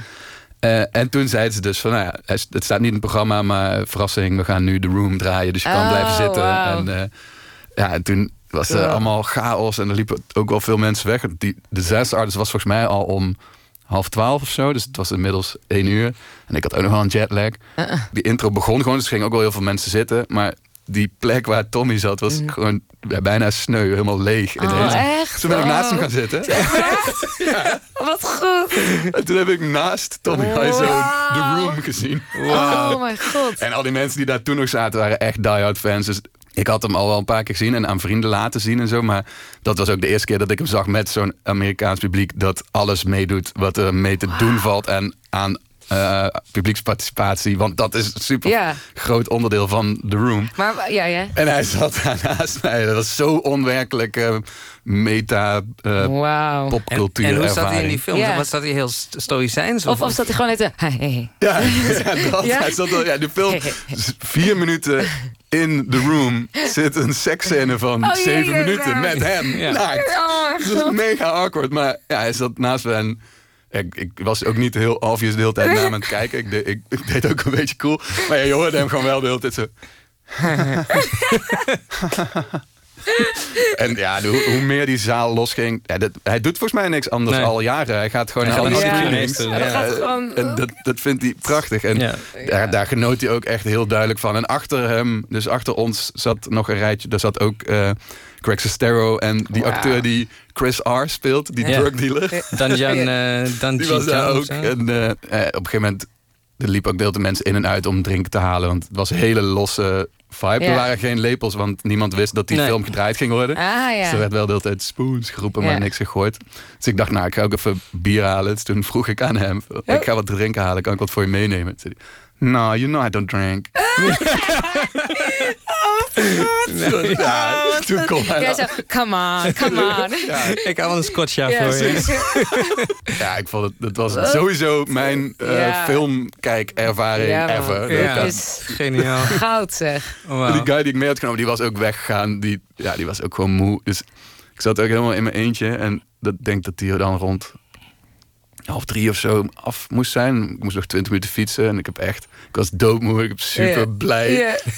Mensen in Nederland was het dan zes uur s ochtends denk ik of zo. Paar mensen Ja, wat appen stuur van... je dan? Wat Ja. ik nu heb meegemaakt. Ja. Het gek. Ja, dus dat was wel een hele mooie ervaring. Ja, dat is echt dat is een hele goede ervaring. Maar je was dus al heel lang fan van The Room. Hoe, hoe ben je hem Ja, ik, tegengekomen de eerste keer? ehm, Oeh, ja. Ja. Ja, dat is een hele goede vraag. Ja. want ik heb sowieso net als volgens mij heel veel mensen veel vaker en eerder allerlei fragmenten Ja. en scènes gezien voor ik YouTube film en voor het eerst echt zag. Ja. Maar eh, volgens mij, ik denk dat ik het ken van ehm, eh, via een band die ik heb uitgebracht op Snowstar Records, mijn label Lost Bear. Want Gino, eh, de jongen die in die band zit, die had het daar sowieso al heel vaak over. En op een gegeven moment ging zij een plaat maken die ik uit heb gebracht. En daar hebben ze voor een liedje ook echt die sample van You're tearing me apart. Lisa. Dus het staat een album dat ik heb uitgebracht. Wat Tommy niet mag weten. Gaat hij dadelijk nog vragen. Die royalties vragen. Onzin. Maar volgens mij ken ik het daarvan. En ik heb heel vaak dan ja, stukjes gezien. En ja, op een gegeven moment ga je hem dan kijken. Maar ik ben hem ook... Ik ben hem een keer in mijn eentje beginnen te kijken. Toen heb ik hem ook afgezet. Omdat ik dacht van ja... Wat de fuck is Ja. dit? Ja. Maar je moet hem echt met Ja. vrienden kijken. Ja. En eh, met... eh, misschien ook wel met alcohol. Ja. Misschien. Ja. Maar in ieder geval, je moet hem niet alleen kijken. Je moet hem echt met vrienden kijken. Want het, het is gewoon geweldig om dat ongeloof van wat je ziet gebeuren Ja. eh, te delen met mensen. Misschien moeten we even heel kort vertellen waar de room ongeveer over gaat. Ja. Voordat, voor zover dat überhaupt mogelijk Ja, is. eh, Over friendship Ja, en eh, betrayal. Over een driehoeksverhouding. Het, is, het gaat over een all-American guy. Die dus gespeeld wordt door Tommy Wiseau. Die duidelijk geen all-American guy is. Want hij heeft een ontzettend duidelijk Oost-Europees accent. Hij zegt zelf dat hij uit New Orleans komt of zo. Maar Ja, dat is duidelijk niet waar. Ehm, hij speelt de hoofdrol. Ehm, hij regisseert het. Hij heeft het gefinancierd. eh, Hij heeft het script geschreven. Hij heeft echt alles gedaan ongeveer. Hoofdrol Eh, speelt. zijn beste vriend speelt zijn tegenspeler. En de film draait er eigenlijk om dat hij, hij heeft eh, een vriendin waar hij mee gaat trouwen. Die hij trouwens altijd zijn future wife noemt. Gewoon zijn fiancé of zo, want dat woord kent hij gewoon niet. Zijn vrouw uit de toekomst. Ja, zijn future wife. Eh, en die gaat dan vreemd met zijn beste vriend. Eh, uiteindelijk komt het allemaal uit. Er gebeuren ook nog allemaal heel rare dingen tussendoor die Ja. nergens iets mee te maken Oh, hebben. God, Ja. Nou, dat is ongeveer waar de film over gaat. Die film is dus gewoon zo slecht dat op een gegeven moment mensen hem hebben opgepikt en het gewoon leuk vonden om naar zo'n slecht film te gaan kijken. zeg Ja. Dus daarom, Ja. Daarom is En het daar- allemaal ontstaan. Zeg is volgens mij ook echt een klein groepje mensen in eh, LA die hem, Ja. die hem echt eh, wekelijks la- hebben laten blijven draaien in één bioscoopje. En daar steeds met meer mensen heen zijn gegaan. En daar zijn volgens mij ook al die. Ja, er zitten zulke rare, onverklaarbare dingen in die film. Dat het normaal. publiek daar gewoon op gaat reageren. En, en dat is dan echt zo'n cult ding geworden. Met tot ja, dat die lepels waar we het nu al twee keer over gehad hebben. Er zitten. De, de- ja, waarom is dat zo? Misschien moet dat even uitleggen. speelt in een kamer. Ja, En ja. eh, die kamer, er stond gewoon één tafel. Er was niets aan gedaan om dat eruit te laten zien als een echt huis van Mm. eh, echte mensen. Dus iemand op die set had gezegd, heeft daar een opmerking over gemaakt.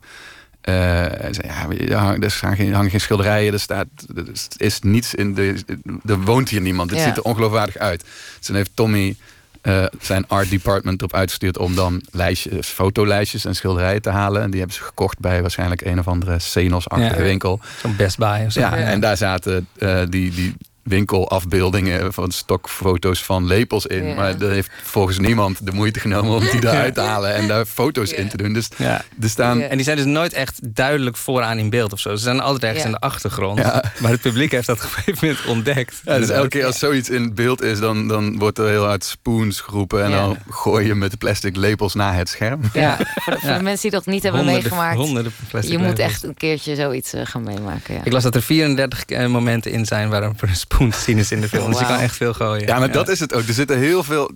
Er is heel veel herhaling van gekke dingen. Ja. En dat is natuurlijk. Dat is feeding the fire van zo'n. Ja, dat is ook waarom. eh Jiske vet grappig is. Of, of Monty Python. Die, die herhaling van iets, iets kleins. Wat daardoor iets heel groots wordt. Dus er, er wordt tig keer uitgesproken dat Mark Johnny's best friend is. Ja, negen keer Wanneer zeg je dat, ja. Eh, de, Ja. Lisa, dat is dus de future wife. eh, haar moeder die komt elk Ah, willekeurig moment binnenlopen en gaat dan ook weer weg na eh, drie zinnen. En Ja. die, die vertelt één keer dat ze borstkanker heeft, wat eh, een vrij heftige boodschap is. En eh, de enige reactie die daarop komt is: eh, ah, don't worry about it, you'll be fine.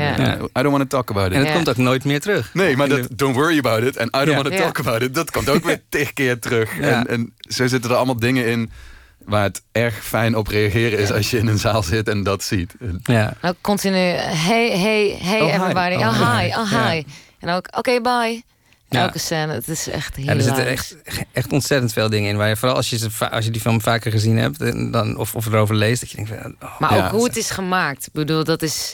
Ja. Toch? Het ziet er zo slecht uit allemaal. Ja, die, het ergste is, de, de- zit bovenop het appartement van The Room zit er een rooftop. En Ja, eh, ja. daar spelen heel veel scènes zich af. En eh, ja, dat is echt Green gênant. Dat zijn gewoon drie piepschuimen muurtjes voor een greenscreen die eh, verschoven worden naarmate welke angle er nodig is. En zit een soort blik golven eh, huisje-achtig ding op Ja. waar je dan dus het, de rooftop mee opkomt. Maar ja, dat is, als die deur opgaat, zie je ook dat daar niks achter zit. Maar dat maakt allemaal niet uit. Daar komen mensen uit en er verdwijnen mensen in. En Je moet er ook volgens mij, en dat is ook bij die, die slaapkamer, je moet eerst twee of drie stappen omhoog doen voordat je de trap naar beneden kan lopen. Want anders kunnen ze die Ja. beweging niet maken naar beneden. Het slaat gewoon helemaal nergens op. Nee. Het is, ah, het is allemaal heel sneu, maar het is ook allemaal heel lief en schattig. Ja. Want die, die Tommy Wiseau is gewoon, ja, waar hij het geld ook vandaan heeft of waar hij ook vandaan komt. Het is, je ziet in alles dat hij niet geremd door talent of visie of wat dan ook. Wel, dit is echt zijn passion project en hij is er in alles van overtuigd dat hij een meesterwerk aan het maken is Ja. en dat hij gewoon Ja. doet wat hij moet doen. Ja, want dat is het echt grote verschil, vind ik. Want Ja. er zijn natuurlijk heel veel hele slechte films, en, maar die weten dat ze slecht zijn. En hij, hij maakt gewoon, wat hem betreft, een groot Amerikaans drama. Zeg Ja. maar. En het is, het is gewoon zo slecht. Alles is slecht. Het Ja. script is slecht, het acteren is slecht, Ja. het greenscreen, echt alles wat er slecht is, is slecht. En als Ja, je dat, de- de- dat kan je niet expres doen. Als je, je kan niet expres een film als The Room maken, zeg maar. Nee, nee, zeker. Dat zou absoluut niet werken. Nee. Daarom is het ook weer zo goed. Ja. Dat wat je zegt, omdat het met zoveel overtuiging is gemaakt. En dan inderdaad de mazzel dat het wordt opgepikt. Want wat je net zei, want hij, heeft dus, hij, hij is open gegaan in, in één bioscoop in, in eh, Los Angeles. Heeft die opening weekend heeft hij 1800 dollar opgehaald. Heeft 6 miljoen heeft hij erin geïnvesteerd. 5 miljoen voor de film en 1 Ja. miljoen voor Ja. marketing. Marketing. En één billboard in LA heeft hij vijf jaar lang afgehuurd voor 5000 dollar per maand. Om zijn film te promoten. Maar hij ging dus daar open. Nou, dat is totaal geflopt. Eh, Mensen liepen de zaal uit. Maar hij heeft toen, omdat hij er echt van overtuigd is dat hij een hele goede film heeft gemaakt, die bioscoop betaald om nog twee weken lang in die bioscoop te draaien. En waarom? Omdat je dan in aanmerking komt voor de Oscars. Ja, dat Als je ook, minimaal twee, ma- Ja. twee weken in een bioscoop hebt gedraaid. Terwijl het gewoon zo'n slechte film is. Dus hij heeft totaal geen beeld van wat hij aan het maken is. Hij heeft sowieso een heel erg raar werkelijkheidsbeeld. James Franco heeft hem uiteindelijk gebeld. Want dat zijn telefoonnummer stond ook gewoon op dat billboard... dat hij vijf jaar in, de, in Hollywood heeft. En het was een eh, heel bizar billboard. hè, Met een, een hele rare close-up foto van hem. Als een- dat ook helemaal niet laat zien wat de film is. En het lijkt een soort horrorfilm als je die foto ziet. Ja. Het is echt heel bizar. The Ring. Ja, Ja, eigenlijk wel. Ja, daar lijkt het eigenlijk best Ja, wel op. ja. Ja. Maar ja, als je dat nummer belde, kreeg je gewoon... of een antwoordapparaat met welke screenings er aankwamen... of je kreeg gewoon hem aan de lijn. Want het was gewoon zijn nummer. Ja. dus toen, Net zoals nu met James Franco Ja, trouwens. dat, dat is Ja. ook geniaal, inderdaad. Dat hebben ze nu voor de Disaster Artists ook gedaan. Op die plek hangt dat billboard weer. Ja. En als je hem belt, krijg je gewoon James Franco aan de lijn. stem ja, van Tommy. dat is goed. Ja. Dat is wel goed. Hij heeft trouwens ook dat, dat hij heeft dus de hele film geregisseerd eh, als Tommy, zeg maar. Ja. Dus hij is, ik bedoel, hij is natuurlijk wel uit zijn rol gestapt als in dat hij gewoon een normale regie aan zich gaf, maar hij bleef wel het karakter vasthouden, zeg maar. Wat Ja, dat was ook Best een rare keuze is eigenlijk. Ja, ja, bij die Q&A eh, eh, in Austin eh, vertelde Seth Rogen dat ook. Dus dat James Franco de hele opnames als Tommy was. En dat eh, Seth had zijn familie verteld over wat hij aan het doen was. En zijn moeder, volgens mij, die kwam hem opzoeken op de set. Mhm. En die had, hij had haar rondgeleid en alles een beetje laten zien waar ze mee bezig waren. En toen had zij dus ook gevraagd van... ja, maar je was toch een film aan het maken met, met James Franco? Waar is James dan? Zo, ja, dit is eh, James. En die had zich dus ook voorgesteld aan zijn Ah. moeder als, in eh, character als Tommy. Dus ja, je moeder vond het niet grappig. Goed. Ja, maar hij doet het ook echt heel goed. Ja, het aan goed. het, eh, Ja. Ik zit aan het eind volgens mij toch? Dat ze echt eh, Ja, eh, dat- scherm naast scherm eh, scène, een aantal scènes precies na hebben gedaan. En na Ja, de ik wil credits, dat dan- zien. Na de credits, Ja. je moet blijven zitten tot Ja. na de credits. Want daar zit nog een scène in waarin Tommy en eh, James elkaar tegenkomen. Dus Tommy, James Ja. als Tommy Wiseau en Tommy Wiseau als een karakter dat Henry heet. hebben dan nog een klein scènetje met elkaar, ook- zeg maar. Dat, Dat is hebben we ook niet dat gezien verstoorde toen. werkelijkheidsbeeld. De Nee. eerste keer hebben we dat niet gezien. Dat hebben wij niet gezien, nee. Dat was Ja. heel, maar dat, en dat moest er dus in, omdat dat Ja. een van de eisen was van Tommy voordat hij zijn eh Ja? rechten weggaf, dat hij zelf in de film moest zitten. Ja, en hij was ook helemaal niet blij hiermee. Want Nee. hij vond dat hij dus gewoon een rol moest hebben. Mhm. En ja, hoe, wat kun je hem laten doen behalve Ja. zichzelf? Ja. Want hij, hij ziet eruit hoe hij eruit ziet en hij klinkt zoals hij klinkt. En, Ja. Maar hij vond ook dat ehm, eh, Johnny Depp moest hem ja, spelen. dat lijkt ook veel beter. Ja, dat snap ik ook. Nee. Ja, ja, zeker. Maar het is wel mooi, want in dat boek komt James Franco dus ook voorbij. Ja, klopt. De Ja. Craig zit ergens, die andere, die vriend van hem, die Craig Sestero, die schrijft het, maar die, ja, die was gewoon een struggling actor en die doet allerlei audities. En hij moest een rol, eh, voor een rol auditie doen waar James Franco ook auditie voor deed. Craig wist dus dat eh, Johnny Depp stond op één om Ja. Tommy te spelen bij Tommy. Maar James Franco op twee. Dus dat is wel echt heel mooi natuurlijk. Ja. Hij was heel erg Ja. groot fan van de film Sonny, die, Ja. eh, die James Franco gespeeld had. Ja. Echt heel Wat grappig. James Franco een hele slechte film vindt. waar hij zich Ja. een beetje verschaamt. Ja. Maar dat is ook vet. Ik kende James Franco wel, maar gewoon van de rollen waar je hem van kent. eh, en, en absoluut niet van zijn regiewerk. nee. dus ik ging, ook, ik ging dat een beetje checken. Maar ja, die heeft ook echt superveel gedaan. Die heeft Ja. eh, ook meer dan 200 IMDb credits. En eh, eh, heel veel waarschijnlijk shit die je niet kunt zien. Of die je letterlijk niet kunt zien. Of die, je die niet, te, niet aan te zien zijn. Mhm. Maar volgens mij was het- dit is zijn 38e regie. eh, Ja, heel veel, hij heeft gewoon 14 speelfilms al geregisseerd of zo. En echt echt nog bizar. meer korte films. Dus eigenlijk lijken ze misschien wel een beetje. Ja, dat, ja want, hij, want hij maakt dus ook nog heel veel andere dingen. Want hij, hij schildert, hij maakt fotografiewerk, hij heeft boeken ja. geschreven, poëziealbums uitgebracht. En eigenlijk in al die andere rollen wordt hij redelijk neergesabeld door de critici, zeg maar. Wordt hij niet heel erg gezien als een groot kunstenaar. Dus wat dat betreft Lijkt, lijken ze eh, wel een ja. beetje op Dat is wel elkaar. mooi. Ehm rest me nog even om jou te bedanken voor je komst. Ja, heel graag gedaan. Heel leuk. Jullie Superleuk om eh, te praten over The Room en over de Disaster Artist. Eh, als jullie meer willen weten over eh, onze podcast, kijk dan op vpro.nl slash cinemapodcast. Eh, laat ook vooral een eh 5 sterren recensie achter op iTunes en deel het op Facebook of gewoon met je vrienden. Duimpje omhoog. Duimpje Yes, omhoog. Like subscribe. yes. Hoe het ook moet. Eh, en als je vragen hebt, feedback of suggesties, dan kun je mailen naar cinemapodcast.vpro.nl. Ik ga u bijna verlaten, maar niet voordat ik u lekker heb gemaakt voor volgende week. Want dan praat Pieter van der Wielen met Willem Venema. Willem Venema was jarenlang de belangrijkste concertpromotor van Mojo. Hij was medeoprichter van Lowlands en begon daarna zijn eigen bedrijf, The, Alter- The, Alter- The Alternative. Dat later onderdeel werd van die Entertainment Group. Toen die productiemaatschappij failliet werd verklaard, begon hij Double V Concerts. En muziekjournalist Jael Vinks schreef over hem het boek Volgens Willem. Dat onder meer maandag. Straks kunt u luisteren naar De Nacht van de Radio. Ditmaal gepresenteerd door de altijd scherpe Hasna El Maroudi. Ik ben er volgende week vrijdag. Ik wens u een goede nacht. Tot nooit meer slapen.